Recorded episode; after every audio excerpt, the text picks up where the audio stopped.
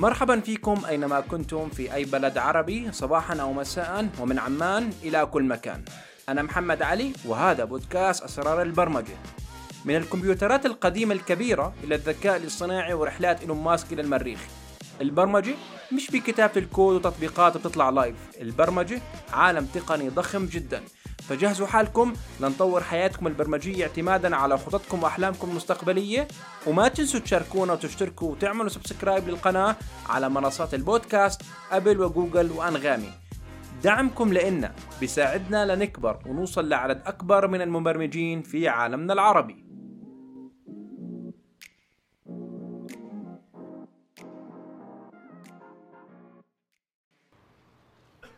An iPod, a phone,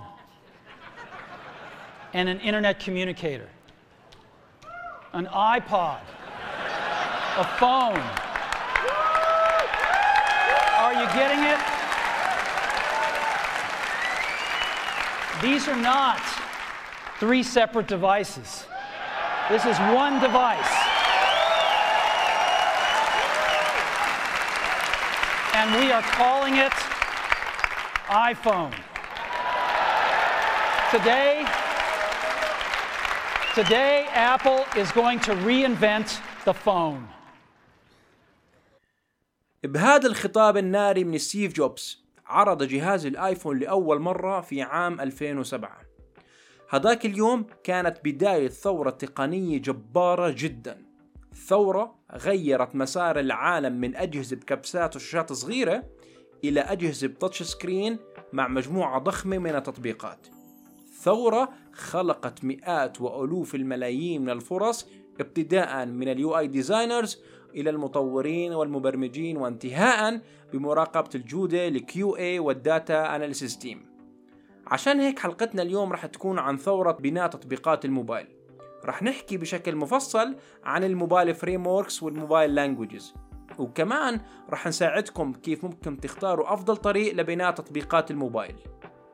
بصراحة وأنا عم بفكر في هاي الجلسة خطر ببالي شريط هيك سريع بمخي كيف أول يوم اشتريت فيه Android device لأقدر أطور تطبيقات الموبايل.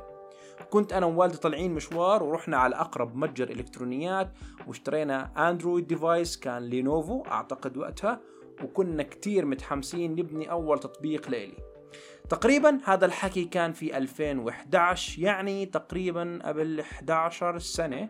كنت لسه طالب سنة تاني بالجامعة وقتها كان في جروبات كتير بالكلية مثل ال open source وال dot net وال C++ ولسه الآيفون والأندرويد كانوا طالعين جديد فقلت ليه ما أكون مبرمج تطبيقات موبايل وأكسب الطريق من أوله؟ وقتها كان الأندرويد عبارة عن plugin داخل Eclipse IDE وما كان في Android Studio وقتها. طبعا كان أولها معاناة ومش كل شيء ممكن يشتغل معك بس بصراحة كانت تجربة حلوة.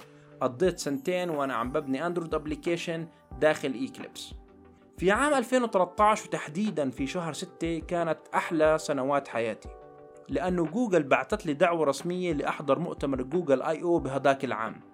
وقتها أطلقت جوجل كم هائل من الأخبار الجديدة منها إطلاق ال Android Studio وال IDE الخاص بالأندرويد وإطلاق مبدأ وفكرة ال Material Design وإطلاق Android Auto و Android Watch OS.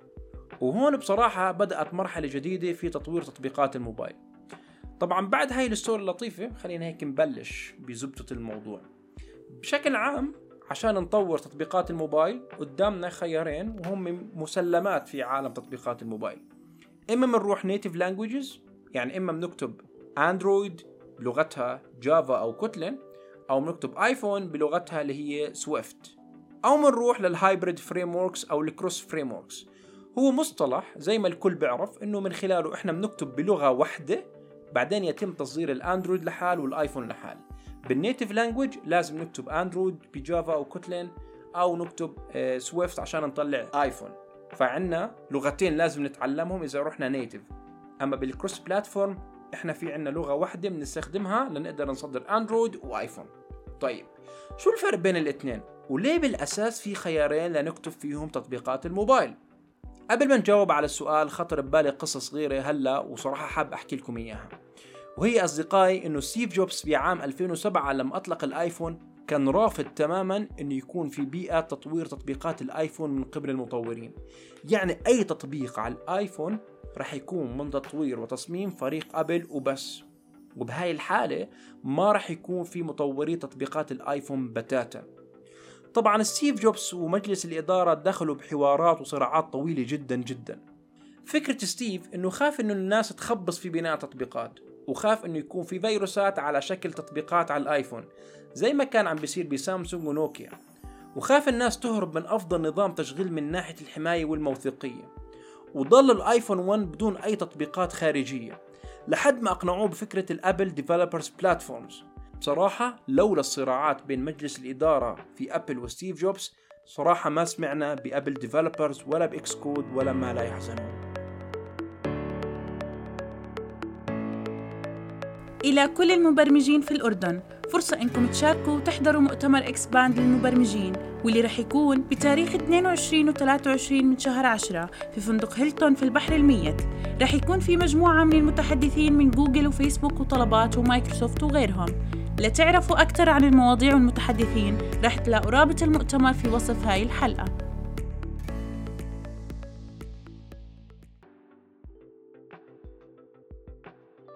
نرجع لسؤالنا. شو الفرق بين الخيارين اللي حكينا عنهم؟ وليه بالأساس في عنا خيارين؟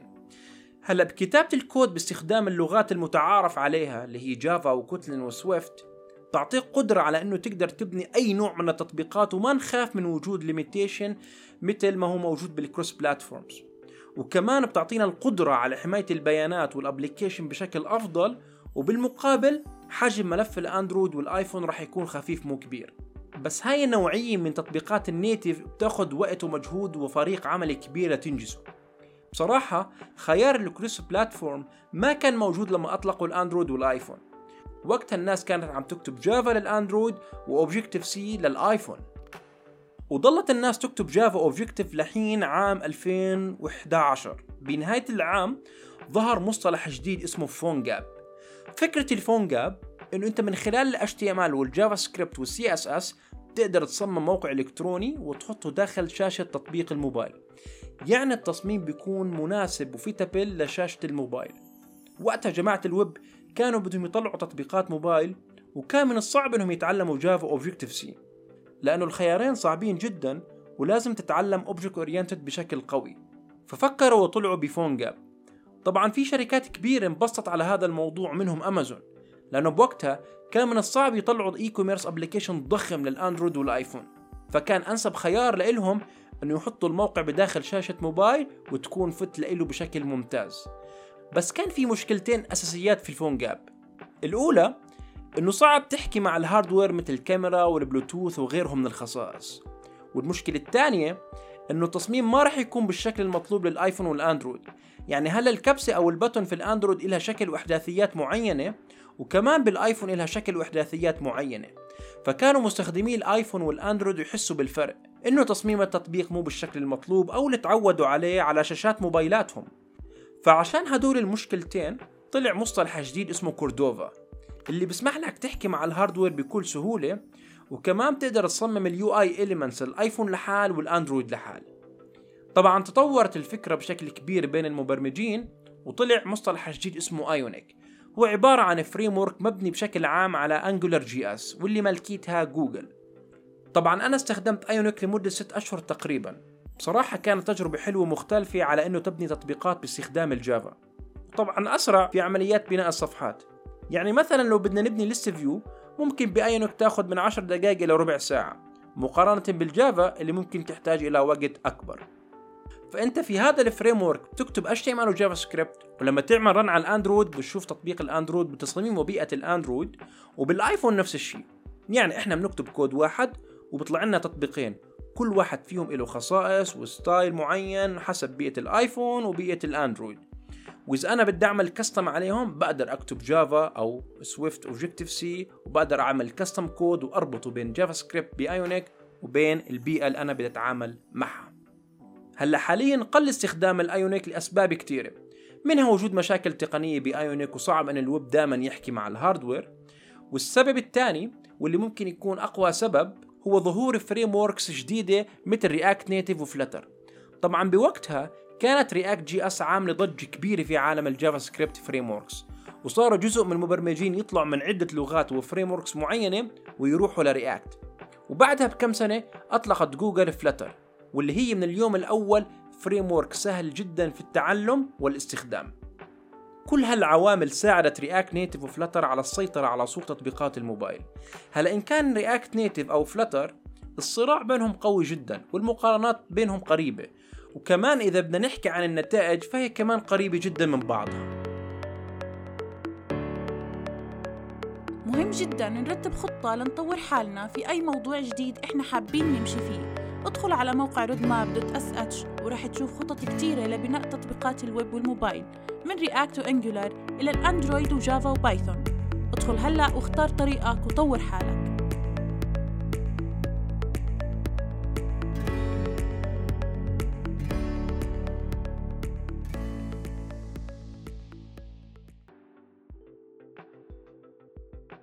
هلا ممكن يكون في فروقات كبيرة بينهم.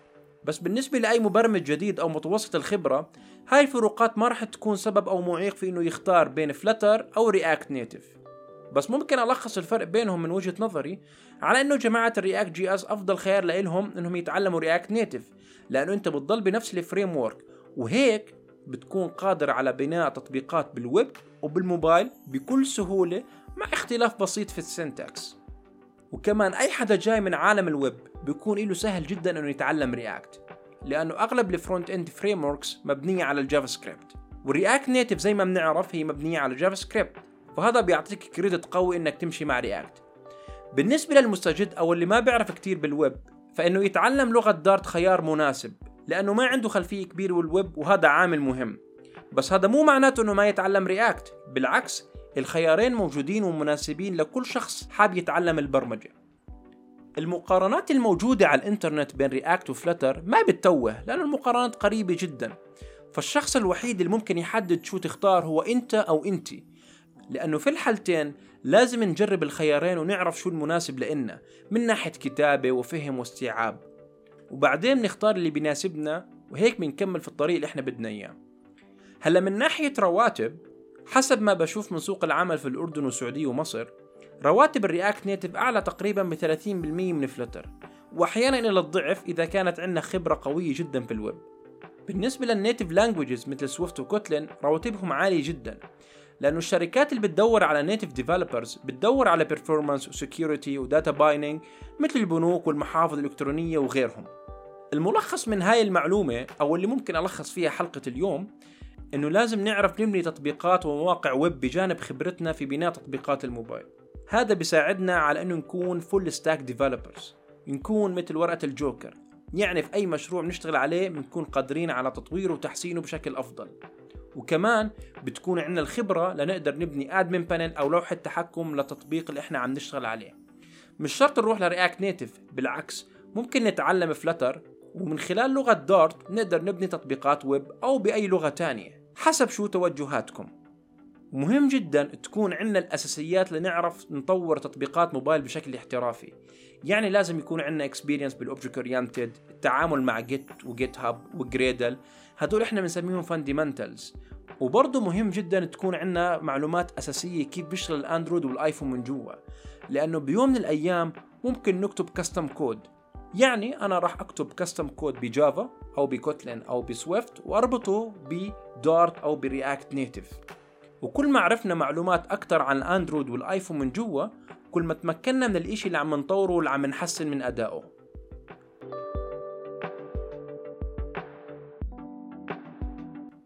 عالم تطبيقات الموبايل كبير جدا وكل أربع أو خمس سنين رح نسمع بفريم جديدة. فمهم جدا نمشي ورا التطور التقني. وكمان مهم جدا نطور مهارات التعلم عنا. عشان بكرة نقدر نتعلم أي إشي جديد بيطلع على ساحة وعوالم تطبيقات الموبايل. إذا كنتوا حابين تعرفوا أكتر بنصحكم تعملوا share و like واشتراك للقناة عشان نضل نعبي براسكم بمعلوماتنا الشيقة. راح نحط لكم جميع مصادر هاي الحلقة بوصف هاي الحلقة عشان تستفيدوا أكتر. في نهاية الحلقة نشكركم جميعا على حسن استماعكم. كنت أنا معكم محمد علي من تقديم والإعداد. وعمتم مساء أو صباحا أينما كنتم وإلى اللقاء في حلقة جديدة من بودكاست أسرار البرمجة.